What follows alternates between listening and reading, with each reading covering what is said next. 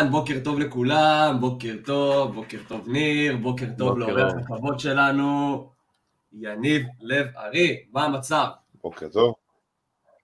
וואלה, ברוך השם. ניר, מה קורה? משתדל... אה, הכל טוב, הכל טוב.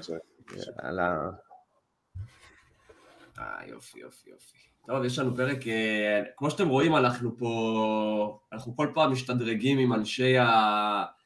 עם האורחים שלנו, התחלנו באדם, עלינו לסרוגו, עכשיו עלינו לדרגה הכי גבוהה, ליניב. איך יצא שאדם הכי נמוך? זה יצא ההיררכיה, אין מה לעשות. אז לפני שאנחנו מתחילים, אני רק רוצה לספר לכם שאתמול ראיתי את אבטר 2 הסרט, והוא חר הסרט, אין לכם מה איך לראות אותו. ככה, לפני שאנחנו מתחילים, טיפ ממני אליכם, למאזינים שלנו, ותרו על השלוש שעות האלה, תעשו משהו טוב יותר עם החיים שלכם. אתם יכולים ללכת להופעה האחרונה של אה, יונתן ברק, היא מעולה. אני הייתי אתמול ונקראתי. אז המלצות תרבות חמישי בערב זה בפודקאסט שלנו, של הפיצוח. יניב, מה המצב? יונתן ברק עמוד, אבל אה, יש לו סגנון מסוים, יש סגנון מאוד מאוד מסוים, זה נכון. זה לא הופעת סטנדאפ, זה בא כאילו, זה סיפור, כאילו, אחד כאילו של איזה שעה וחצי, משהו כזה. מדויק. וואלה, אבל זה היופי, לא? כן, כאילו, אני אוהב, אבל יש כאלה שצריך להגיע למצב מסוים, כאילו. מצב תודעתי מסוים, כאילו. כן, כן, אנחנו כולנו יודעים על מה אתה מדבר. אבל... אה, האמת שכשאמרת שאנחנו לאט לאט עולים ואז התחלנו עם אדם ועלינו לסוגו וכאלה, אז אני יכול להגיד לך שאני מבחינתי סיימתי, סימנתי לעצמי שאני הגעתי לשיא ביום שמישהו שאל איזושהי שאלה על את אדם ואדם אמר לו מה לעשות, ואמר אני לא זוכר אם, אה, אם מי שאמר לי את זה זה פרנק קרן או ההוא מ Digital Marketer, איך קוראים לו? גם כן אחד לא הזה, או יניב, כאילו, יניב לב ארי, כאילו. אני לא זוכר אם זה אחד, אחד מהשלושה האלה בטוח לימד אותי כאילו זה, אני לא יודע מי זה. אמרתי, טוב, אם האדם כבר לא יודע. עצם העובדה שהוא כבר לוקח בחשבון שזה יכול להיות גם אני, כאילו, בשניים האלה, אז מצוין, הגעתי, עשיתי את שלי. וואלה, עשית את שלך, אין ספק. אמ, וואי, יניב, אתה הולך לספר, להציג את עצמך, בוא תציג את עצמך, תציג את עצמך. כי אתה איש אשכולות מטורף. אז... אה, אז אני אתחיל כאילו, כן, עשיתי מלא דברים וכאלה, אבל uh, אני אתמקד uh, בתחום. אנחנו באנו לפיצוח וכאלה, אז, אז אני אדבר על זה. התחלתי את חיי בעולם הפרסום בשנת 90 כשהשתחררתי מהצבא.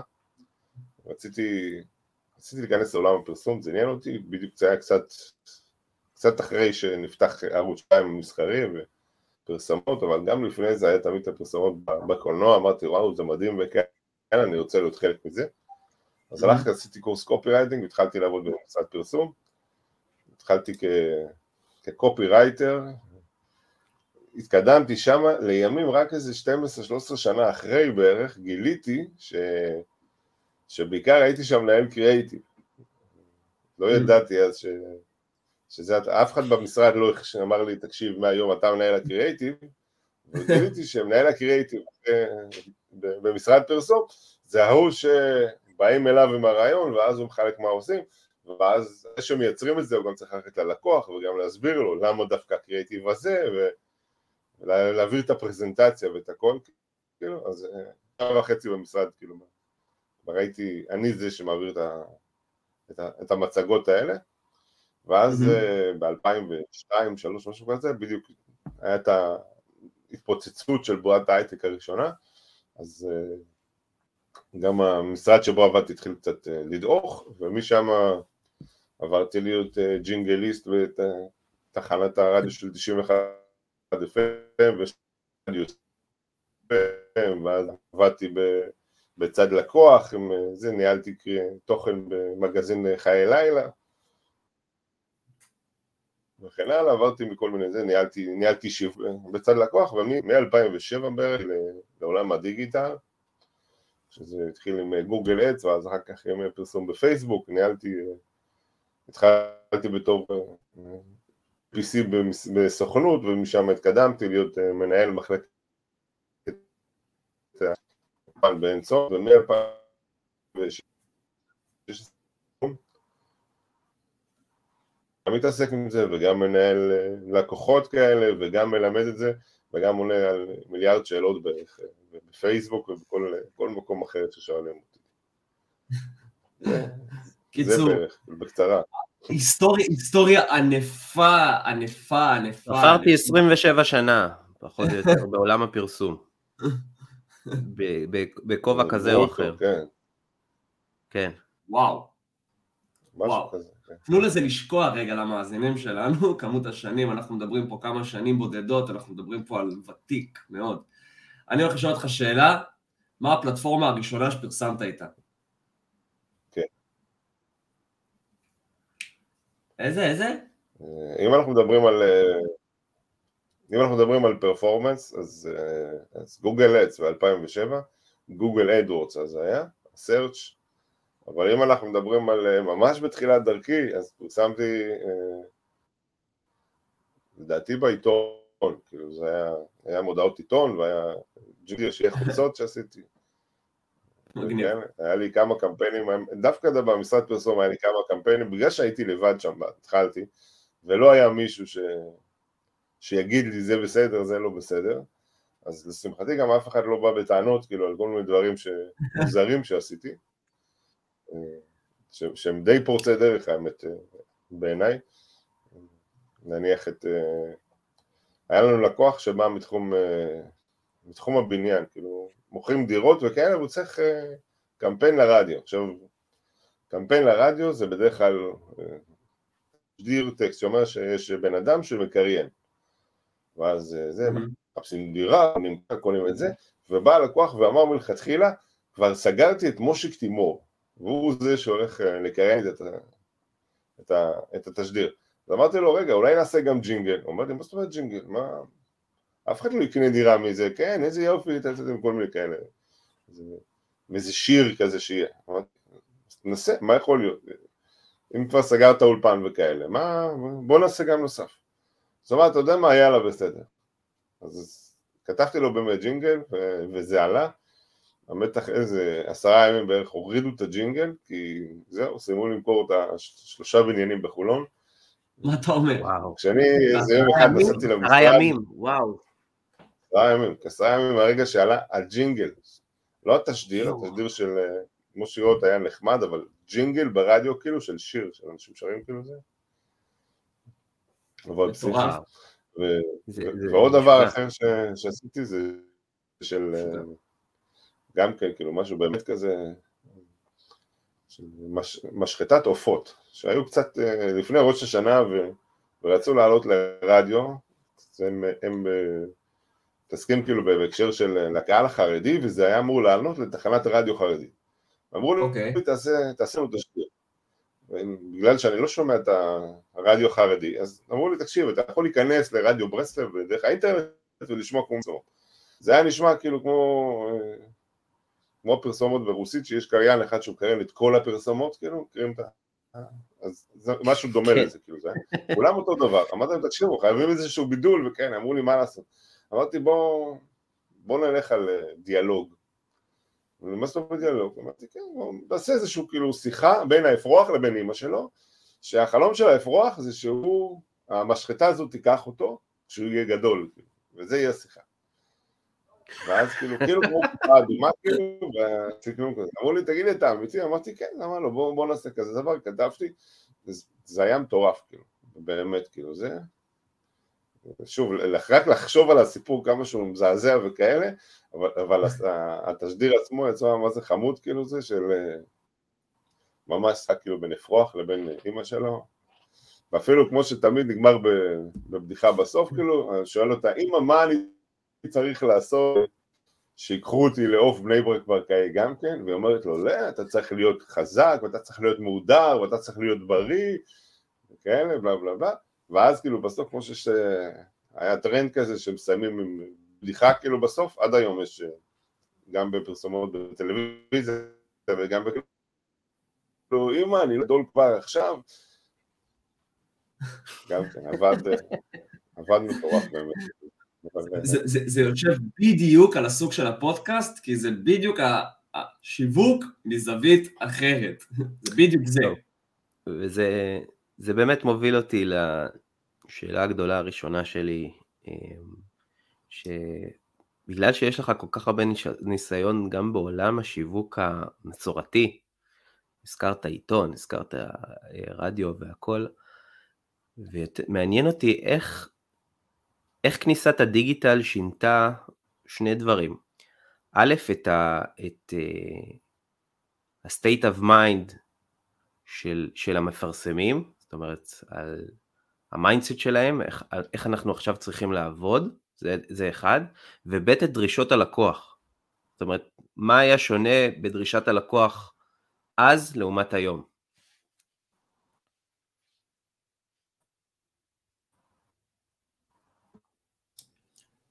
סורי, אה, משהו היה כתוב. נעלמת.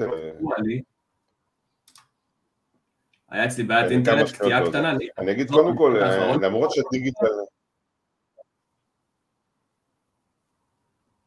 כן, הייתה לי תקיעה של אינטרנט רגע, אני צריך שתחזרו על המשפט האחרון. אוקיי, אני אחזור על השאלה באופן כללי. כן. אמרנו שדיברת אה, על הניסיון שלך, יניב, גם בעולם השיווק המסורתי, אמרת שבעצם הפרויקט הראשון שלך בכלל הייתה, היה מודעה בעיתון ועשית אה, עבודות כן. ברדיו וג'ינגלים והכל, ויש לך גם ניסיון ענק בדיגיטל שאתה כמובן תרחיב עליו אפילו יותר בהמשך, אבל מעניין אותי איך כניסת הדיגיטל שינתה שני דברים. א', את ה-state of mind וה-mindset של המפרסמים, כל מי שעובד בפרסום, וב' את דרישת הלקוח, מה השתנה בדרישות של הלקוח מהרגע שהדיגיטל נכנס לתמונה. מעניין. אז אני אגיד לך, קודם כל, להסתכל ממתי שהדיגיטל נכנס לתמונה זה קצת, אה, זה לא כזה מדויק, כי אם אני מדבר על זה שאני התחלתי בגוגל אס ב-2007, זה, זה כבר היה קיים אז, וגם פייסבוק עם הזמן, אבל תכלס זה רק, ב, רק בשנים האחרונות אנחנו באמת רואים את, את המצב שבו תקציבים עוברים לשם והמפרסמים באמת מתייחסים לזה כאל מדיה שצריך להתייחס אליה ולא בתור ש... שכדאי לה, אז, אז זה לא מאיך שזה התחיל. עכשיו, זה, זה גרם לשתי דברים, קודם כל מבחינת מפרסמים, אז כמובן ש...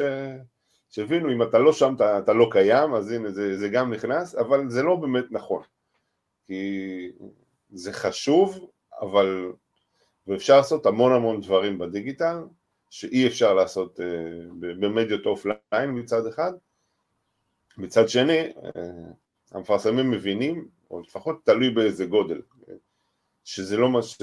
שהדיגיטל הוא, הוא נחמד עד לנקודה מסוימת, אבל מעבר לזה צריך, הוא צריך עזרה של, של אופליין.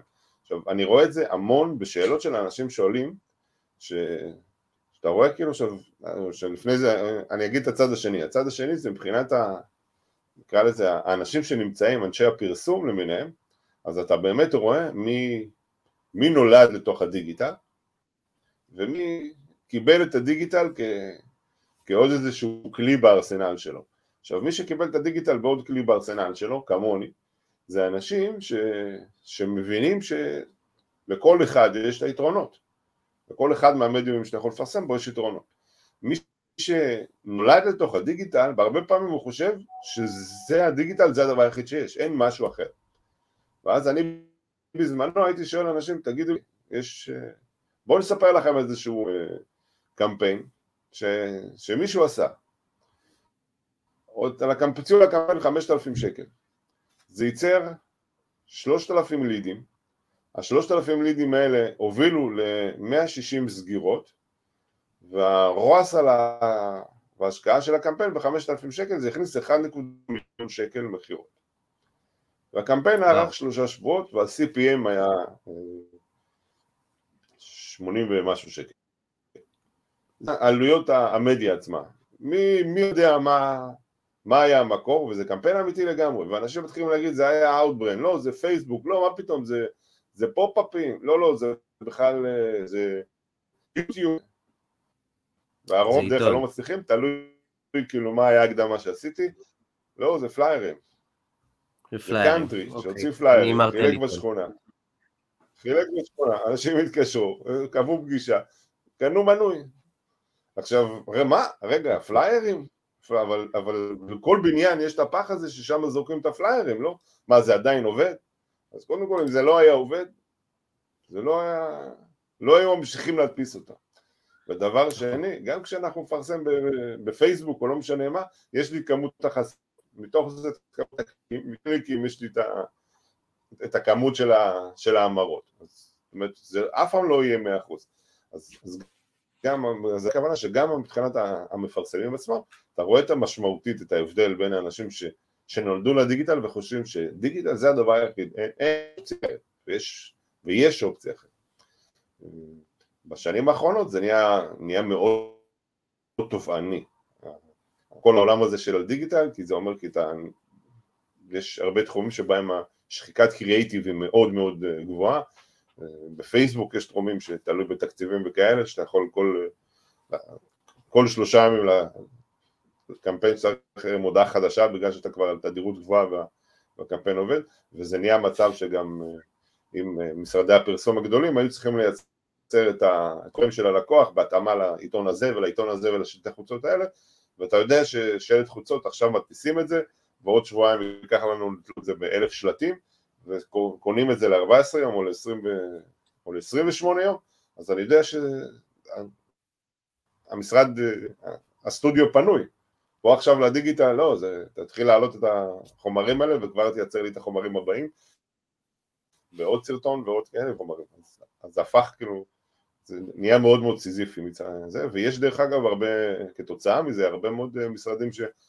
ש- שילקחו את החלק הזה של הבהלה לדיגיטל מצד אחד, ומהר מאוד גם גילו שזה זה עובד אחרת, וזה אפילו לא מעט קריסות של, של סוכנויות שהבינו ש, שזה מאוד מאוד קשה לעמוד אצל. יניב, יש לי שאלה. איזה בעלי מקצוע אתה חושב שנפגעו יותר מהמעבר או מה, מהמעבר המסיבי לפרסום בדיגיטל?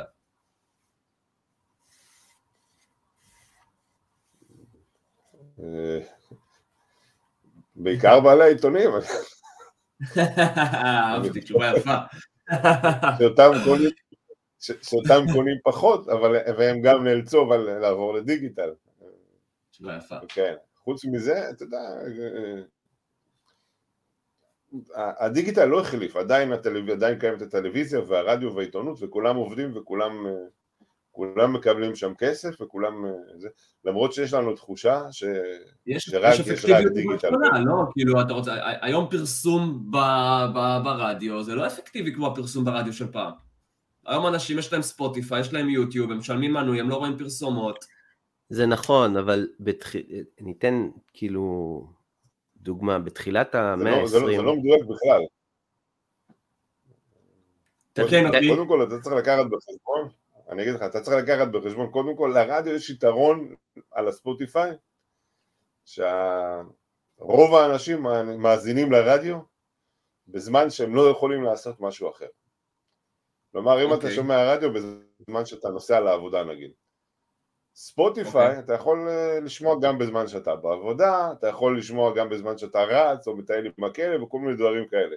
מה שאומר שהפרסומת ברדיו תופסת אותך בזמן שהפוקוס שלך זה רק על הרדיו, נגיד, או על הנהיגה, והמזל בישראל שכשאנשים בנהיגה, אז הפוקוס שלהם לא ממש בנהיגה, זאת אומרת, הרוב הולך לרדיו, אז זה כן. נהיה אפקטיבי.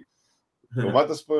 ספוטיפיי, נגיד, זה, זה קצת בעיה. אני יכול להגיד, אני שומע פודקאסטים, שומעים אותי, את הפודקאסטים בעברית על מהירות של 1.8. אוקיי. עכשיו, יש שם גם פרסומות, אבל זה נשמע כמו... ב-90% מהזמן אין לי מושג בכלל מה הייתה הפרסומת. יכול להיות שזה היה אפקטיבי בשביל, אבל... אבל על 1.8 לא בטוח שאני יכול להבין כאילו מה, לא מה הוא דיבר, היה- כאילו, ב- ממך. ברדיו אתה לא יכול, ברדיו זה מה, זה זאת המהירות, זאת אתה מקסימום הפרסומת, יכול להעביר תחנה, אבל גם אז יש... אתה- אתה עכשיו נתון לזה. אבל גם בתחילת ה... לא רק לחשוב, כן, כולם עברו לספוטיפיי, אבל לא. זה לא כולם עברו לספוטיפיי, זה עדיין עובד. לא, גם בתחילת המאה ה-20 כשנכנס אה, הרדיו, אז כולם אמרו שזה מותו של העיתון. אה, שזהו, אה, אה, אנשים הפסיקו לקנות עיתונים כי, כי, כי יש רדיו ו, וצריך... זה, ואז כשנכנסה הטלוויזיה חשבו שזהו, זה, זה, זה מותו של הרדיו.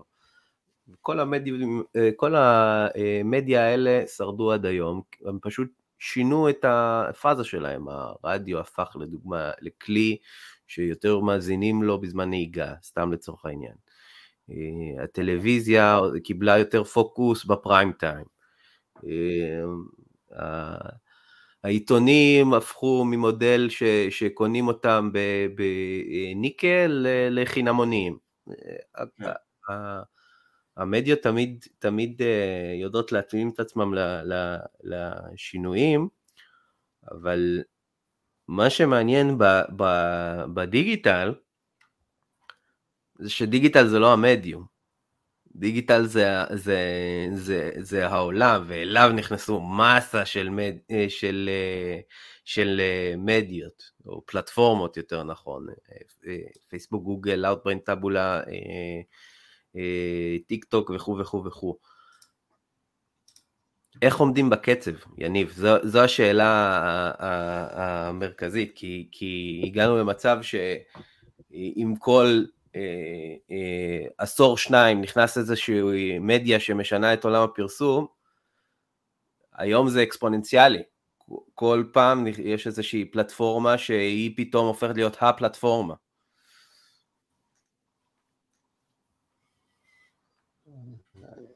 אז אתה יודע, זה נכון מצד אחד, אבל מצד שני צריך לקחת בחשבון שהמטרה שלנו שזה יעבוד. ואם זה עובד, אז זה עובד. אין סיבה לקחת עכשיו ולהגיד, לא, אתה יודע, אני, אני כבר עשר שנים אה, רץ בכל הקבוצות, ה-SEO מת. זהו, זה כבר לא עובד. זה אבל כבר עשר שהוא מת. ותוך, בזמן שהוא מת הוא עדיין עובד. עכשיו... כן, ואז ה-PPC ש... מת. גם ה-PPC מת, ופרסום בפייסבוק לא עובד כבר מ-2016. לפחות אם אתה קורא את הקבוצות, אז, אז ככה, זה, ככה זה נשמע.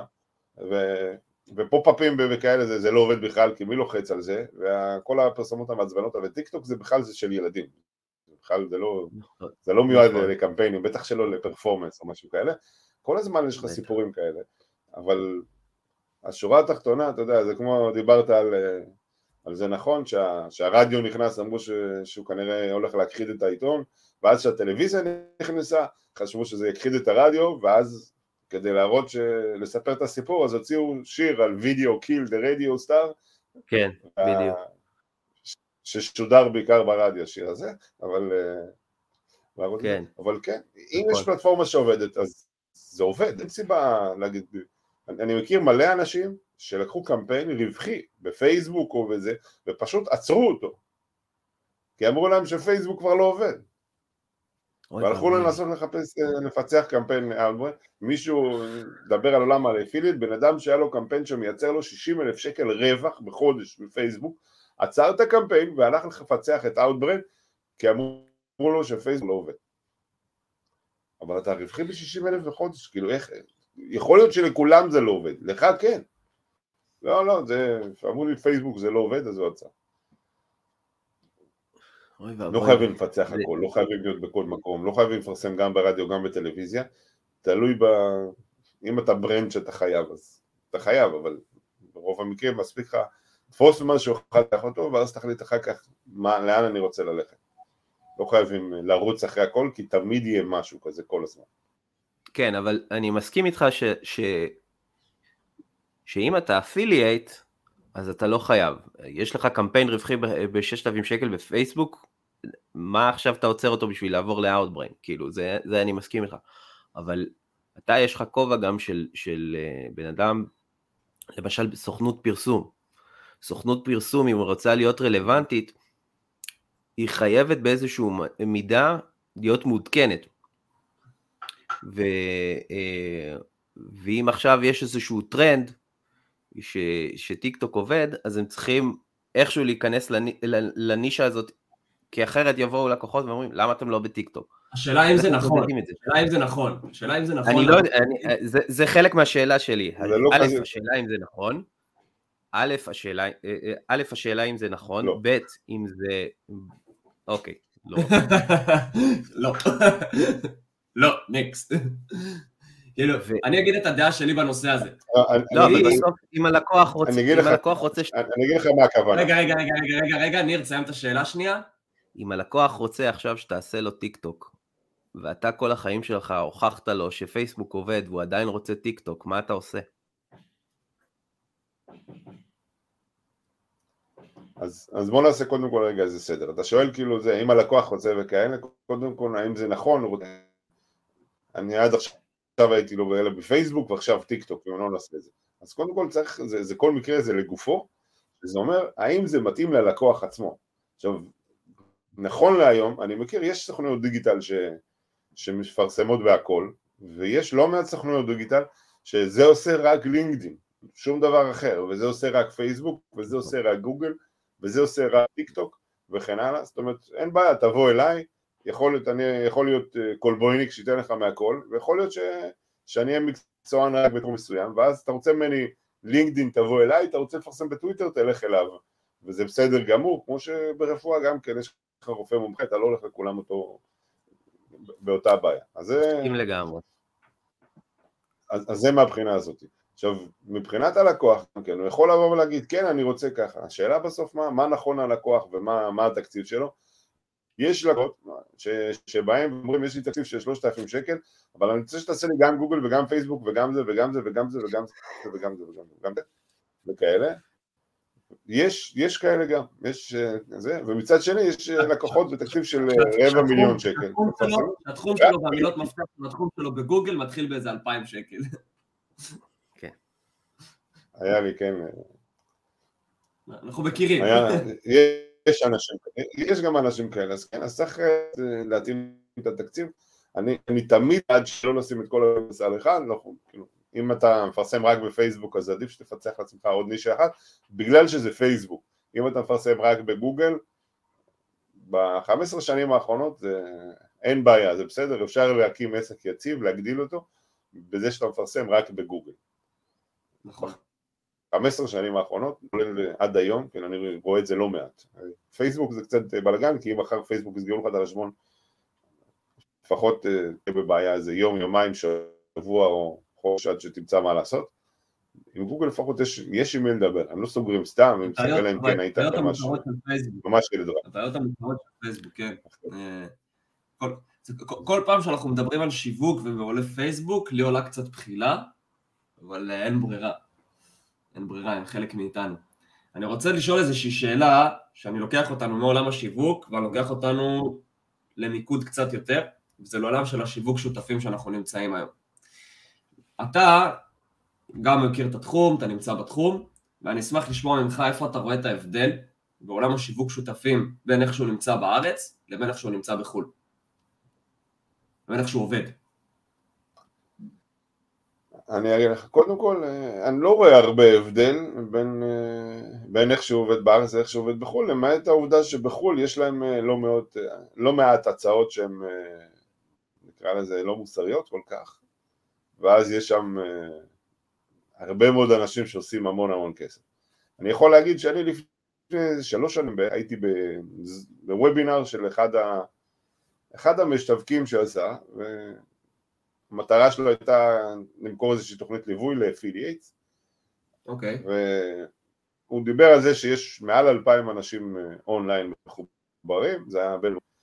ואז הוא, לפני השידור, הוא נתן לאנשים טופס למלא, כמה זמן אתה בתחום, כמה כסף, מה היה הסכום אה, הכי גבוה שהרווחת בחודש ב affiliate marketing, ומה היה הסכום הכי גבוה שהרווחת בצורה יציבה לפחות שלושה חודשים. זאת אומרת, אם הצלחת לעשות מכה של מאה אלף, אבל בחודש זה רק בגלל שהיה, אני לא יודע, אתה מקדם את תכתוב בכבוד וזה היה יום השואה, אבל בדרך כלל אתה עושה ארבעת אלפים, אז במקסימום תכתוב מאה אלף, ובסטדי תכתוב ארבעת אלפים. בקיצור, מהמם, אוקיי. ואז באמצע, באמצע הוובינר הוא דיבר, והוא הוא אמר אלפיים, אומר, קודם כל אני שמח לגלות שמעל 97% נמצאים בתחום הזה לפחות שלושה חודשים. מצד שני, אני די מבואס לגלות שמעל 92% עדיין לא עשו שקל. אז זאת אומרת, המספרים לא שונים. עכשיו, כשאתה marketing, אתה, אתה עצמאי. ואנשים באים לשם כאילו, והרוב שאומרים כן, אני רוצה, אה, אה, המטרה זה אני רוצה לעשות כסף מתי שבא לי. אז אני אומר נכון. להם, תקשיבו, קודם כל לעבוד מתי שבא לי זה יתרון מאוד גדול, אבל יש בזה חיסרון. והחיסרון זה שאם לא בא לי, אני לא עובד. ואם לא ההכנסה שלי תלויה במה בא לי, ולא בא לי, אז, אז גם לא יהיה לי כנראה הכנסה. נכון. יש, גם בארץ וגם בחו"ל, יש לא מעט אנשים שהם נמצאים בתחום הזה, אבל הם, הם נמצאים באיזה סוג של חוג מבחינתם. זה אומר, הם מקימים קמפיין, הולכים לישון, בודקים אותו למחרת, רואים שזה לא עבד, עוצרים אותו, אחרי שבועיים באים לזה, שומעים איזה וובינר, או שומעים על איזה מי שעשה משהו, אז הם נזכרים, ואז הם מקימים עוד פעם קמפיין, ואז למחרת שוב פעם עוצרים אותו, ואני רואה כאלה שהם כבר שנים כאלה. אנחנו רואים כאלה... אומרים לעצמם, כן. ואומרים לעצמם, אני affiliate, אני עדיין affiliate, והם הולכים, הם באים לכנסים, הם מתמידים, הם הולכים לכנסים, הם הם מסוג האנשים שהפכו את ה affiliate marketing לחוג. הם באים לכנסים, הם באים לאירועים, הם פעילים, הם- אבל- זה- חוג, כאילו, זה לא... כאילו זה- חוג חברתי, שזה דווקא משהו שאני שמח, כאילו, שכן יש את זה בארץ, נגיד, ופחות אה, בחו"ל. אנשים שבאים... יפה. אז רגע, אני עוצר באים אותך. ל affiliate marketing בשביל ה- בשביל החבר'ה. אז אני רגע עוצר אותך. נגעת פה במשהו מאוד מאוד מעניין. אתה בעצם אומר שה affiliate marketing, אולי בארץ הוא הביא אנשים שקצת פחות באמת עושים את ה affiliate marketing עצמו מבחינת הקמפיינים עניינים, אבל מה שכן הביא התחום איתו בארץ, זה שהוא הביא איתו קהילתיות יותר חזקה מבחו"ל. אני צודק ממה שאתה אומר? זה כן, לגמרי. זה, זה, זה אני רואה כאילו גם כן, אני רואה גם בכנסים וכל מיני כאלה שיש, כן. תנס, תחשוב על דבר, כאילו, קודם כל, אצל affiliate marketing, אה, באופי שלהם, זה היו אנשי המשווקי צללים למיניהם. היו נכון. יושבים במחתרת בשקט כזה, בשושו, לא מספרים לאף אחד. אתה יודע איזה דבר הזוי זה היה יכול להיות, אם איזשהו affiliate marketer היה לוקח מודעה שלו, מראה לך זה עובד. בדרך כלל זה אנשים שאומרים לך, יגידו לך כחלק מאיזה קורס או משהו כזה, ויגידו לך בוא תראה איזה מודעה פצצה ואיזה עובד, ואז אתה רואה שהמודעה הזאת קידמה את ה-T ספרינג של החולצות של טראמפ לנשיאות. שזה זה נחמד כאילו, אבל הוא מראה לך משהו שעבד לפני חמש שנים, ה-CPM כבר לא אותו דבר, הקהל כבר לא אותו דבר, זאת אומרת, הוא לא מראה לך משהו חדש, ופה, דווקא בזה משהו שכן, בארץ, שהם כן מלפים, ברור שאם מישהו מודע מאוד מאוד טובה שעובדת, הם לא, לא באמת יחשפו אותה, אבל אין להם בעיה לעשות את ה... להראות את, ה, את המודעה הזאת, לשתף או לדבר עם אנשים, ובאמת כאילו ברמה, ברמת הקהילה, זה משהו ש, שהוא, שהוא די נדיר האמת בעולם, בתחום הזה. כי תכלס אם אני מראה לך מודעה, אני לא יכול לסמוך עליך שלא תעתיק אותה ו, ותתחיל לגזור לי את, ה, את הרווחים שלי. נכון, נכון. אבל ראינו גם שהרבה מאוד פעמים, אם אני אבוא ואני אעתיק מודעה, לא בהכרח זה משהו שיעבוד לי, כמו שזה עבד לבחור השני. נכון, זה מאוד יכול להיות. האמת שיש אה, כלים כאלה של what runs where וכל מיני כאלה שאתה יכול לראות מודעות, וזה אחת הסיבות שהכלים האלה יקרים, לא בגלל שטכנולוגיה יקרה, אלא כדי שניוביז למיניהם לא, לא, יסתר, לא יתחברו לזה. כי היום זה לא שבמערכת סבבה, אני אעתיק את המודעה ויאללה אני אעשה, אלא תקבל מזה השראה. כן. ואתה צריך אה, לייצ... להיות בנקודה שבה אתה מרוויח מספיק, זאת אומרת יש לך מספיק ניסיון בתחום הזה כדי להבין שאם ראית מודעה של מישהו אחר, להעתיק אותה זה לא יהיה הדבר הנכון לעשות. אתה יכול לקבל השראה, אתה יכול להבין, לראות מה עובד, ואתה יכול לנסות לעשות reverse engineering כדי לראות מה, מה המאפיינים של הקופי שעובדים, ואז קופי דומה לך שהוא שלך, אבל להבין ש... שאתה לא אמור להעתיק אותה. לחלוטין. עכשיו יש לנו מאזינים שהם יחסית חדשים בעולם השיווק שותפים, כל שידור אני עושה את זה, מה הטיפ שהיית נותן למאזינים שלנו שנמצאים היום בעולם השיווק שותפים, והם בבייבי סטפס שלהם, בצעדים הראשונים שלהם שם.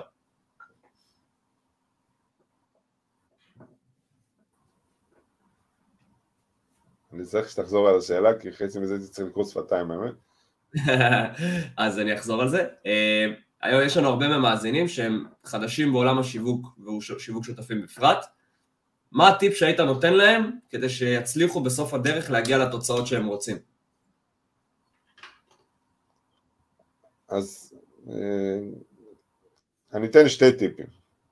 ברור, הדבר שיותר, יותר. הראשון, ומה הכי חשוב, לזכור שהשיטה הזאת עובדת. זה דבר ראשון, שזה עובד. זאת אומרת, מישהו עושה עם הקמפיין הזה כנראה כסף. נכון. זה אפשרי. האם כמה זמן, האם כמה ייקח לך, זה כבר שאלה אחרת, האם אתה צריך לפצח את ההצעה הזאת או אחרת, זה כבר שאלה אחרת, אבל אם זה כסף זה עובד. שאם אתה באמת רוצה, אתה תגיע, זה דבר אחד. Okay. אוקיי. הדבר השני, זה. בעצם. היתרון שלך, זה שאתה אתה יכול לקדם את מה שאתה רוצה, זאת אומרת, אתה לא חייב להנהל על הצעה מסוימת. תבחר, תמצא הצעה שאתה מתחבר אליה, שאתה מבין אותה, שאתה מבין את המודל העסקי שלה, זה הדבר הכי חשוב בעיניי. קח הצעה זה להבין מה המודל העסקי, על מה משלמים לך כסף, קודם כל כדי שתוכל אתה לישון בשקט, לדעת שאני מקדם הצעה, שאני יודע איך, איך מרוויחים ממנה, שלא יהיה סיטואציה שאני אגלה אחר כך שאני מביא אנשים שיעקצו נגיד או משהו כזה, גם זה קרו לפעמים, ובכל מיני אחרים, אז תקדם משהו שנוח לך ואתה שלם איתו ואתה מבין את ההצעה ואתה מבין את הקהל ואז באמת גם יהיה, יהיה לך קל יחסית לפצח אותה. עכשיו לא בגלל שאם אתה מבין אותה אז הקופי יעבוד ויהיה לך יותר קל להמיר, אלא בגלל שאתה תצטרך כנראה לעשות 10, 20, 30 או 50 או 100 מודעות כאלה ואם זה תחום שהוא מדבר אליך ואתה מבין את החשיבות שלו אז, אז זה יהיה מאתגר, זה לא יהיה מייאש. והמטרה בסוף, כן. אה, ולזכור שבסוף יהיה פיצוח. כל מה שאנחנו צריכים זה קצת סבלנות עד שנגיע. נגעת פה בנקודה מעניינת. שזה עדיין לא... נגעת פה בנקודה מעניינת. והנקודה הזאת היא לעשות כמה טסטים שצריך עד שזה יעבוד. אני חושב שאנחנו נמצאים היום באיזשהו שלב, תקנו אותי, יכול להיות שאני טועה, שהאפיליאטים קצת מפונקים.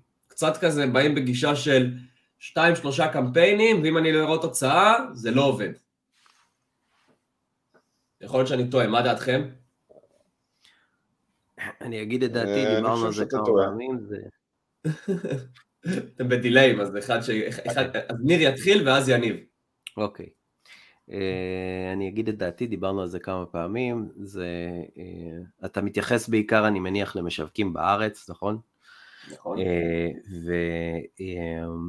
כבר דיברנו על זה, אנחנו uh, בארץ, יש לנו נטייה לא רק בעולם השיווק, אלא באופן כללי, uh, לרוץ, ולפעמים לרוץ אפילו מהר מדי. אני כן מסכים שזה משהו קיים, התופעה הזאת קיימת, ש, שלפחות לדעתי, שאנשים נוטים להסיק יותר מדי מהר מסקנות ולכבות קמפיינים או, או, או משהו כזה, לא כולם כמובן, אבל uh, אה, זה בהחלט קיים בהרבה מאוד תופעים, ושוב, לפי דעתי זה עניין שורשי ותרבותי, שאנחנו, ו, ואתם יכולים להסכים איתי, אבל זה קצת נכנס לעניין של פילוסופיה ותרבות. אני חושב שבמדינה שהיא כל כך מוכת טראומה, כמו שלנו, אנחנו כל כך כל כך חיים מטבענו uh, בפחד, uh, גם במצב הקיים וגם בהיסטוריה שלנו, ש, שהיא רדופה אה, אה, אה, פוגרומים ו, ומעשי זוועה, אז אנחנו נוטים כל הזמן לחפש את הדבר הבטוח ולרוץ ולרוץ ולרוץ ולרוץ ולרוץ, כי אין דבר כזה דבר בטוח. אה, אה, ו, וזה שורשי וזה תרבותי, ואני חושב שדיברנו על זה המון המון פעמים. אז יניב.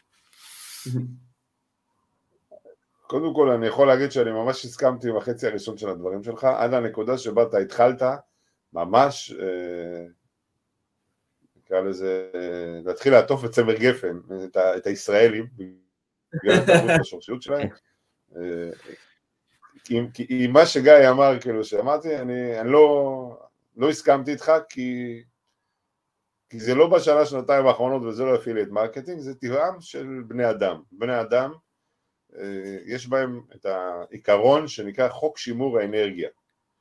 אבל okay. זה אוקיי. קצת שונה מפיזיקה. חוק שימור האנרגיה אומר, אני לא יודע כמה אנרגיה אני אצטרך הלאה, לפעולה הבאה שלי, לכן אני בכל רגע נתון אני עושה את המינימום שנדרש כדי להשיג את התוצאה שאני רוצה. אני רוצה עכשיו פזיה ולשבת, ומה שאני רוצה זה לא לזוז, אז המינימום שנדרש זה להישאר מול הספה ולראות עוד תוכנית ועוד פרק ועוד זה כדי לא לעשות כלום. זאת אומרת, Okay. אוקיי. ב- לא בכל רגע נתון אני במודע יודע מה התוצאה שאני רוצה להשיג, אבל אני תמיד משקיע את המינימום שנדרש כדי להשיג את זה. עכשיו, וזה תמיד, זה לא ככה, זה לא רק בישראל, בכל העולם, כן? וזה אמרתי, תחשוב על אנשים שנמצאים שנה בעולם האפיליט, או שנתיים או שלוש, והם עד היום הם קידמו שתי הצעות ועשו להם אה, ארבע מודעות ובזבזו על זה עשרים דולר, ביחד. אנחנו מכירים את זה טוב, אנחנו מכירים את זה טוב. זה, זה, זה גם בעולם קיים, וזה לא רק זה, זה קיים בכל תחום. ואני הייתי שואל בן אדם, תגיד לי רגע, אם יצאתי עם בחורה לדייט, ואז היא טסה לחו"ל, אני נשארתי בארץ, ואחרי שנה היא חזרה ויצאתי לעוד דייט. יצאנו לעוד דייט. אנחנו שנה ביחד, אפשר להגיד? או שאנחנו בדייט שני רק. אז משום מה, אז, משום מה יש לא מעט, אה, זה affil, בגלל שאנחנו בתחום של שיווק affiliate, אז אני אתייחס ל affiliate, אבל זה לא רק הם. משום מה לאנשי affiliate יש נטייה לחשוב שזה אומר שהקשר הוא שנה. אבל אה, לא, זה סך הכל דייט שני. כאילו. ואתה אמור להשיג תוצאות של דייט שני ולא דייט של שנה, ולא, ולא של אה, שנה זוגיות. אז, אז. זה לא רק בגלל שישראל היא רצופת אה, מלחמות וטראומות וכאלה, ואנשים מחפשים את הכאן ועכשיו וכמה שיותר מהר, זה פשוט טבע האדם, הוא מחפש את ה... מה, מה הכי קל שיש. זה אחת הסיבות נורא קשה לאנשים לזוז, לעשות שינוי. כי, ברוב המקרים הדבר שהכי קל לעשות זה פשוט לא לעשות. נכון. האמת שזה נכון, הייתה לי השבוע שיחה עם... ובהרבה אה, מקרים זה משיג לך את התוצאה הרצויה. לא בטוח ש... שאם, שאם אם יש מצב שאם היית עובד על עצמך קצת יותר, כאילו מבחינת mindset וכן, היית מודע לזה שזה לא התוצאה הרצויה שאתה רוצה. אבל האמת שזה נכון. התוצאה הרצויה זה שיהיה לי תירוץ טוב שלמה זה לא מצליח. זה, זה נכון, זה לא, וזה לא רק בשיווק, אנשים פשוט, אה, יש להם איזשהו מקום שמונע מהם לבוא ולעשות צעד שיכול לעשות להם איזשהו שינוי. אנשים אוהבים להישאר על סטטוס קוו ובאזור הנוחות, סבבה להם עם זה. סבבה להם עם זה לגמרי. תקשיב, זה- היה לי איזה סיטואציה שהייתי צריך, אה, הייתי צריך איזשהו, אה, להשתמש באייפון, כאילו, זה, כדי להעביר איזושהי, אה, איזה חשבון מאיזה אפליקציה אחת לאחר, זה אז, כבר מתחיל מצחיק. ואין לי אייפון, ו- ולי יש אנדרואיד, אז אה, פנה לי, שהיה, הוא היה אז בן אה, 15, משהו כזה, ואמרתי לו, תקשיב, יש לך אייפד, אני יודע, אתה- יש מצב שאתה מלווין איתו לשבוע? הוא אומר לי, אני מוכן בתנאי אחד, אמרתי לו, מה?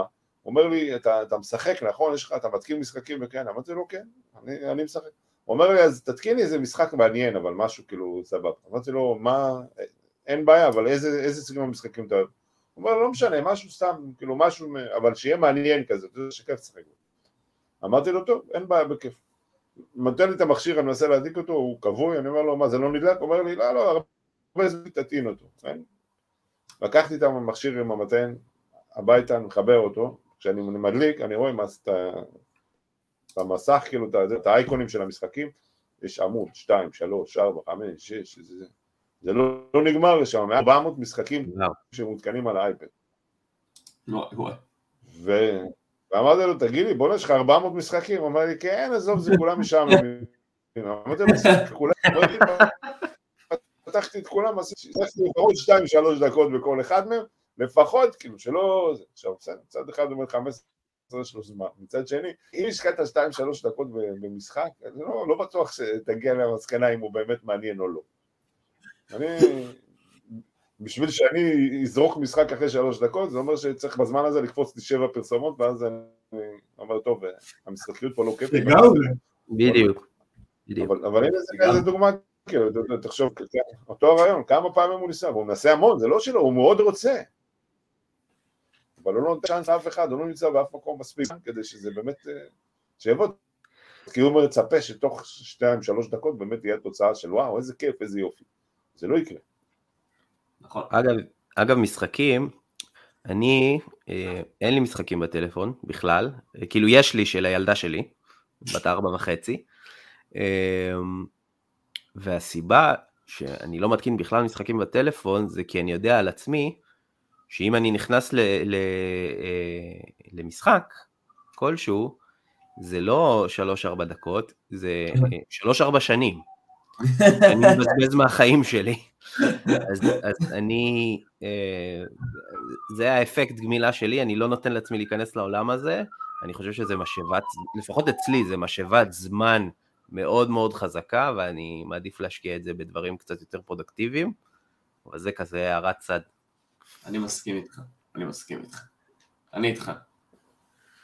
אני. אני, אני יכול להבין אותך מצד זה, מצד שני, אה, אני יודע נגיד אצלי, שאני, קודם כל יש לי שעות שבהן אני יותר פרודוקטיבי ושעות שאני בהן פחות פרודוקטיבי. ושימי לב, נניח, שאם בחלונות שאני לא פרודוקטיבי, ככל שאני אנסה להיות יותר פרודוקטיבי בזמן הזה, ככה זה יבוא על חשבון אה, דברים אחרים. כלומר, סתם דוגמא, אם אני צריך עכשיו לכתוב דף מכירה, אם אני אשב עליו שש שעות מול המסך כדי לכתוב דף מכירה, או שאני אשקיע רבע שעה רק בלכתוב כמה כותרות, ואז אני אשחק ארבע שעות, ואז אני אחזור לשעה, התוצאה בסוף השש שעות, במקרה השני תהיה הרבה יותר גבוהה. עכשיו, חשבתי שזה, בואנה, אני שורף מלא זמן, זה לא טוב. עד שבשלב מסוים הבנתי, לא, זה לא נשרף, לא, בשביל לשרוף הרבה זמן, זה לשבת ולנסות להיות פרודוקטיבי בזמנים שבהם אני יודע שזה לא עובד. בגלל לא, שיש... לא, מעניינת מאוד. שבהם אני צריך- אני- אני צריך את המוח שיעבוד. עכשיו, יש לזה הרבה הסברים, נגיד שאם בול. אתה רוצה, אם אתה, אם אתה צריך את המוח נגיד, אחד הדברים, ה- זה, יש סיטואציות כאלה שאנחנו באים להיכנס לישון, ואז פתאום מתחילים לענות לנו מלא רעיונות מגניבים כאלה, אבל אנחנו כבר במיטה, יאללה מה, עזוב את זה, ואז אנחנו לישון, סבבה, זה מחר, ואז מחר אנחנו נקום, לא נזכור כלום, ונקווה לזה, וזה יקרה עוד הפעם. עכשיו, למה זה קורה? בגלל שהיה לנו איזושהי שאלה מסוימת או משהו, שהיינו צריכים תשובה מהמוח, ושאלנו את המוח את השאלה הזאת, אבל המוח, מה לעשות, יש לו אה, רמ"ח איברים שעשה גזעים, ועוד מיליון של דברים שהוא צריך לתפעל, ויש בו איזה גוף ומלא איברים וכאלה, ואין לו זמן עכשיו בשביל השטויות שלך והקמפיין והשטויות האלה זה. אז הוא אומר לך, סבבה, אני, כשאני אתפנה אני אחזור אליך. עכשיו אתה אולי קצת שכחת מזה, אבל הוא לא, זה, list שלו לא הולך לאיבוד.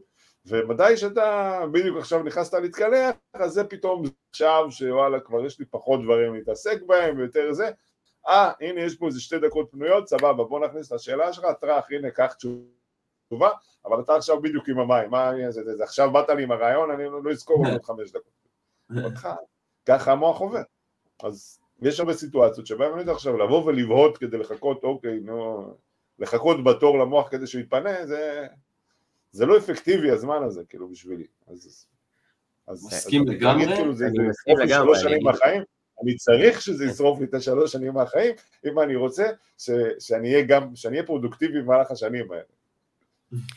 אני, מסכים לגמרי, אני פשוט, על, ייאוש, כאילו. בזמן הזה, הייתה מישהי ש... מהמם. כן, תגיד, כן, תגיד לי. אומר, למדתי בזמן. הזה כאילו מתסריטאית שהיא סיפרה שכל פעם שהייתה מספרת לבעלה קיבלתי פרויקט חדש, בעלה היה מה זה מבסוט רצח, כי יודע, כי זה פרויקטים נגיד שזה עכשיו של כתיבה נגיד של איזה ארבע חודשים, לכתוב תסריט לסדרה או סרט או משהו כזה, הוא יודע שעכשיו הבית הולך להיות מה זה מבריק, בגלל שהיא הולכת עכשיו לפתוח את זה, נגיד אני חייבת להתחיל לכתוב, סוגרת אותו והולכת אה, אבק מה- מהמזנון, ואז היא חוזרת למחשב, בשבועיים האחרונים היא תשב מול המחשב 20, שת- 20 שעות ביממה, והפרויקט יהיה מוכן בזמן, אבל כאילו, עכשיו, מה לעשות, אה, כן, המוח שלה ביקש אה, זה. עכשיו, היא הייתה יכולה לשבת כל העשר שעות האלה מול המסך, ולהגיד, כן, כן, אני חייבת לכתוב, אני חייבת לכתוב וכאלה, אבל היא הבינה שלנקות אבק זה, זה גורם למוח שלה להשתחרר יותר מהר מאשר... אני רוצה רגע לקחת פה. משהו אחד שאתה אמרת, משהו אחד שאתה אמרת, ואני חושב שהוא מאוד מאוד מאוד מאוד נכון. ווואלה, מי שמקשיב לפרק הזה, אם זה אנשי ההווה, אנשי העתיד, מי שיאזין לזה, אני רוצה שתיקחו את הדבר הזה מהפרק הזה. צריך לדעת מתי אנחנו פרודוקטיביים ומתי לא. וזה קריטי, בעיקר לאנשים שהם יזמים והם עצמאים, כי זה מתכון מושלם ללשרוף זמן, אנרגיה, ובסוף התהליך גם מוטיבציה. מושלם. תבינו מתי אתם פרודוקטיביים, תבינו מתי אתם יודעים לבוא, לשבת, לתפוס משימה, לבצע אותה, ומתי אתם יודעים לבוא לשבת, לתפוס משימה ולבעוט בקיר, כי אתם לא יכולים לעשות אותה. נכון. ברגע שתבינו את זה, וזה בסדר לבוא להגיד, בין 2 ל-4 אני לא פרודוקטיבי, זה בסדר. כן, וגם מה משחרר אתכם כשאתם לא פרוד- פרודקטיבי, כאילו, יניב דיבר על משחקים. אני, כשאני לא פרודקטיבי, לש... לשק... לשבת בספה ולגלול ב... בפייסבוק משחרר אותי. מעולה. לפעמים גם אה, ל- לצאת להליכה עם, אה, עם. עם התינוקת בעגלה. שם עולים לי מלא רעיונות. מלא. מדהים, מדהים. אה, אז, אז כל אחד צריך למצוא את האקט הזה יש הרבה דברים, שמשחרר כן, לפעמים זה... אבל, הרעיון הוא קודם כל משהו למצוא את הזמן הנכון שבו הדברים האלה, אני צריך להביא אותם לידי ביטוי. כי אנחנו מכירים את זה, אנחנו מכירים את זה מהעבודה שלנו עם אפילייטים שמתחילים, עם יזמים, יניב בתור אז מנטור. אני אוסיף אז אני. אוסיף עוד משהו. כן. אז אני אוסיף עוד משהו, זה, זה לא רק להבין מתי אני פרודוקטיבי ומתי אני לא פרודוקטיבי, זה להבין גם מתי כשאני עושה משהו כשאני לא פרודוקטיבי, מתוך מטרה לתת ל- לראש קצת להשתחרר כדי להבין את זה, מתי אני כבר, זהו, יכול לעצור ולהמשיך, כי יכול להיות נגיד שסדרה ב, סדרה בנטפליקס אה, מחזירה לי את הפרודוקטיביות, אבל אני מאוד יכול להיות, אה, להיסחף לבינג', לא בטוח שצריך בינג' בשביל זה, לפעמים יכול להיות ש... שפרק אחד. מספיק, אז אין בעיה, לך תראה, לך תראה פרק אחד ותחזור, כאילו, זה הכל טוב, סבבה, כאילו, זה, תדע גם, אה, תדע גם מבחינתך מתי, מתי לעצור ומתי צריך- מתי לעשות צריך לדעת לשים את הגבול לדברים האלה, ואני מסכים לחלוטין, זה קריטי, אבל כן, אין פה אבל, זה קריטי. זה שתי דברים שהם קריטיים, אחד, להבין מתי אני באמת פרודוקטיבי, ושתיים, שאני יודע שאני לא פרודוקטיבי, לדעת גם לבוא ולעצור, ולהגיד, אוקיי, עכשיו אני הפכתי מלא פרודוקטיבי לפרודוקטיבי, בואו נמשיך, ולא לגרור את החוסר פרודוקטיביות הזאת, ואז זה כבר הופך לא לתרצנות. לחתוך עוד חוסר פרודקטיביות לעצלנות. אז זה כבר הופך לדחיינות סלש תרצנות. לא, לא עשיתי את המשימה, כי הרגשתי שאני לא פרודוקטיבי. אז אני יכול להגיד לך, יש סיטואציה בהם זה קורה, אז, אז אני יכול להגיד, יש כן, לך כן, קורה? משהו אחר נגד, זה שהיה לי שבוע שעבר? אז אני אומר, לפעמים זה לא רק שזה, לא, זה לא הופך לדחיינות, זה הופך לבזבוז זמן משווע. לגמרי. השבוע, אני- שבוע, אני חושב שזה, שבוע, אני חושב שזה היה ביום ראשון, מישהו שולח לי דף נחיתה, ואומר לי, אני רוצה שתעבור עליו. אני מסתכל על הדף הזה ואני אומר לו, זה נראה שישבת על זה, זה ארבע, חמש שעות לפחות. הוא אומר לי, כן, משהו כזה. אמרתי לו, אבל זה נראה שאחרי עשר דקות כבר לא ידעת מה לכתוב. הוא אומר לי, מה זאת אומרת? אמרתי לו, אני רואה שיש פה המון המון השקעה באיזה תמונה לשים ואיזה כותרת, אין פה שום פיצוח של האבטר ואתה קופי פה מאוד מאוד מאוד מפוזר. אבל זה כאילו, אני מסתכל על זה וזה נראה, כאילו אמרת לעצמך, יש לי חמש שעות שאני חייב לסיים את הדף הזה, אבל אחרי עשר דקות כבר לא ידעת מה לעשות, אז אמרת, אני חייב לעשות, להשתמש בזמן הזה, אז בזבזת את הזמן הזה על כל מיני פעולות כדי שיגרמו לך להרגיש שאני בעשייה.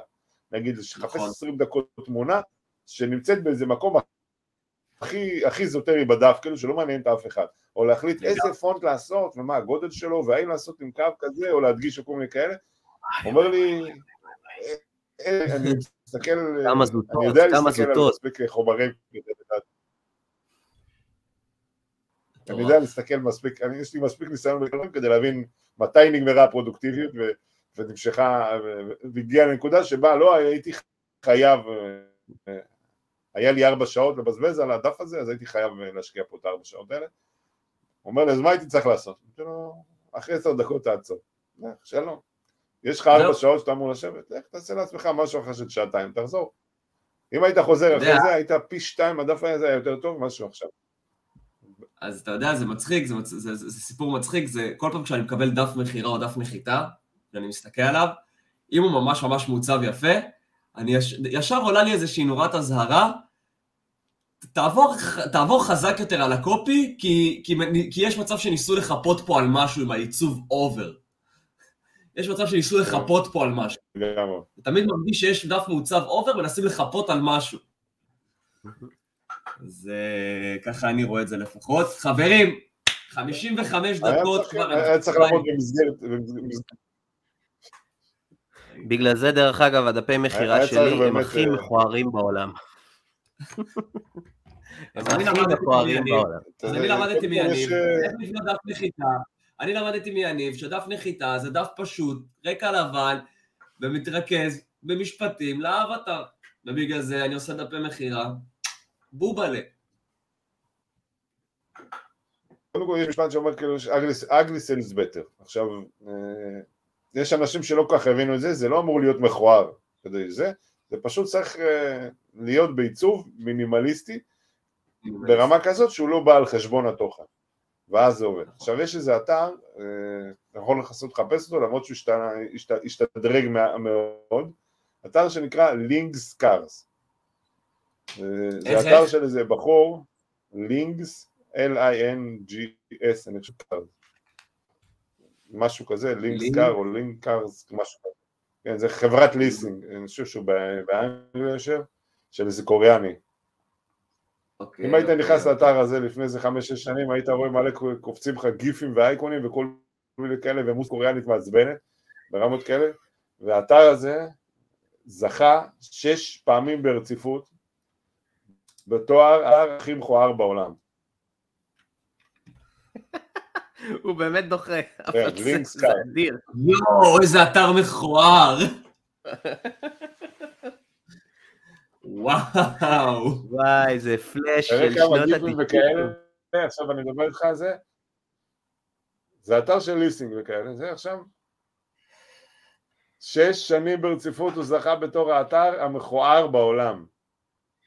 והוא מוכר יניב? עד ש... כתבו איזה שתי סטודנטים ל... ללימודי מנהל עסקים ואמרו כחלק מפרויקט בשיווק אמרו לקחו לנתח את האתר הזה וגילו שמתוך 13 אלמנטים של אה, שכנוע כולם נמצאים בדף הזה, כולם אם זה ברמה של תהיה אותנטי דבר ללקוח שלך בגובה העיניים, תן לו את מה שהוא צריך, אל תחסיר ממנו את ה... זה. אתה יכול להסתכל על אוטו, כתוב נגיד 317, סתם אוטו אחלה לדייט, פחות ליום הראשון. נגיד כאילו, כל מיני כאלה, תכוונו. אתה חייב לומר שזה האתר הכי מכוער שראיתי אי פעם. שאתה מתייעץ אליו. ברמה הזאת, כאילו. אז, נכון, אז אמנם אני סיילס וטר, אבל מאז הוא, הוא פתח סניפים מאז, הוא גדל, הוא פתח סניפים, פעם אנשים היו פונים אליו, רוצים לפתוח זכיינות שלו גם כן, נהיה אימפריה, עם אתר מכוער, אגרי סיילס וטר. אז זו דוגמה קצת קיצונית, כן? זה לא אמור להיות כזה מכוער, למרות שגם זה עובד, כאילו, זה, זה אפילו עבד לו מצוין. מטורף כמה זה מכוער. אז, אז כן. אה, בסדר גמור. שים קישור בתיאור הפרק. אני יכול להגיד שכשאני עבדתי... אני יכול להגיד שכשאני עבדתי בסוכנות, אני הייתי בונה את הדפי נחיתה, ואני הייתי מעצב אותם, אני לא, אני... היו הייתי נכנס להסתכל על כל מיני דוגמאות, ואז הייתי מנסה לעצב כמו זה, אבל אני לא מעצב, אז זה לא היה יוצא ממש דומה. רוב הלקוחות לא היה אכפת להם, מבחינתם תביא לידים ועזוב אותי, לא מעניין אותי איך זה נראה. יש כאלה שהיה חשוב להם שזה ייראה ממש שזה, אז מה, למה זה כזה מכוער, תעשה כל מיני כאלה, אז הייתי מסביר להם, כי זה, ככה זה ממיר, זה אמור לעבוד, והיו כמה שהחליטו להתעקש ולהעביר את הדף למעצב מקצועי שיעשה את זה ו... ואני רק אטמיע את הטופס, וכל האנשים האלה אומר להם, תקשיבו, אז בואו נעשה טסט, בואו בואו, מה אחוז ההמרה בדף, מעולם לא היה דף של מעצב שהצליח לנצח דף מכוער שלי באחוזי המרה. מדהים. כן. כי... כי שוב, זה... זה פשוט מעצב... כן. תן לנו את הרעיון האחרון. כן. אתה יכול לעשות לעצמך טסט. תקח שתי דפים, דף אחד, תשים בו רק קופי. בדף שני תשים רק תמונות בלי קופי, שים בשניהם טוב, תראה איזה מהם ימיר יותר טוב. כן. אתה, אתה לא חייב להזרים כסף על זה, לא לקחת תמונה ולעשות מזה פלייר ולהשתמש בזה, אלא תמונות בלי טקסט בכלל, כאילו. אתה לא חייב לשים על זה כסף כדי להבין, תמונות בלי טקסט לא ימירו. מה נכון. שממיר, מה זה הטקסט? זה לא, זה לא התמונה, תמונות צריכות לעזור. אז כמה שזה יראה יותר דומה לטקסט, ככה אחוז ההמרה יהיה יותר גבוה, כמה שזה יראה יותר דומה לתמונה ולמה שמאופר, אז, אז אחוז ההמרה ירד פשוט. יש דרך אגב מקרים שבהם אומרים אין לי בעיה, אני מוכן לקחת בחשבון שאחוז ההמרה ירד בגלל שאני רוצה כחלק מזה גם לייצר איזושהי תדמית ופוזה. נגיד כל, כל אם תראה את דפי נחיתה עם רקע שחור שכתובים ב... שזה, אז דפי נגטיב, מי שעשה את זה, זה אחד מהשתיים, או שמלכתחילה לקח בחשבון ש, שזה ימיר פחות, כי זה נגטיב והעין שלנו תופסת את זה פחות, אז לקח את זה בחשבון שזה ימיר פחות, אבל היה נורא חשוב לו המיתוג, וכאילו לשדר את הסטייל, על חשבון אחוז ההמרה, אז, אז זה אופציה אחת, וזה, ואם במקרה הזה סבבה, לגיטימי, והאופציה השנייה זה אנשים שראו אצל מישהו אחר ואמרו בואנה איזה מגניב, יאללה אני אעשה גם. אז... אה, חברים, אני רוצה... אה, אני רוצה רגע לסכם את הפרק, כי אנחנו כבר שעה באוויר, זה מדהים מבחינתי. אה, וואו, דיברנו על מלא דברים. שעה זה פתיח. אצלך אנחנו יודעים, אצלך, אתה, פה זה לא זומים של האנטראז'. לא, אבל זה רק אומר שאנחנו צריכים לעשות את זה עוד פעם. לא, אנחנו פשוט נצטרך, אנחנו נצטרך, אנחנו פשוט נצטרך להזמין את יניב לחלק ב'. מבחינתי זה מדהים, מצוין. אז קודם כל אני רוצה, קודם כל אני רוצה להגיד תודה לצופים שלנו, של מי שהגיע ללייב, מי שישמע בעתיד. היה לנו פרק מדהים, מדהים, מדהים, מדהים, דיברנו פה על מלא דברים, באמת. גם אם אתם יזמים בעולם השיווק, גם אם אתם לא יזמים בעולם השיווק, תשבו, תקשיבו לשעה הזאת של הפרק, יש פה מלא תובנות לקחת ליום-יום, לעשייה שלכם. מלא טיפים, אם זה ממני, אם זה מניר, אם זה מיניב בפרט. קחו את ה-20 פלוס שנה ניסיון שיניב הביא איתו פה לשידור הזה, ויש לו עוד מלא לתת, ובגלל זה אנחנו גם נביא אותו לעוד פרק, ותשתמשו בזה, זה לא סתם, אני בתור אחד שלוקח מיניב ביום-יום שלו את ההשראה ו... ונעזר בו, ויודע שמה שהוא אומר עובד, אז ממקור אישי זה עובד. אה, וזהו, אני רוצה להגיד תודה רבה לך, יניב. ממש ממש תודה. בהחלט, תודה. בשמחה וכיף. ותודה רבה לך, ניר. תודה רבה, גיא.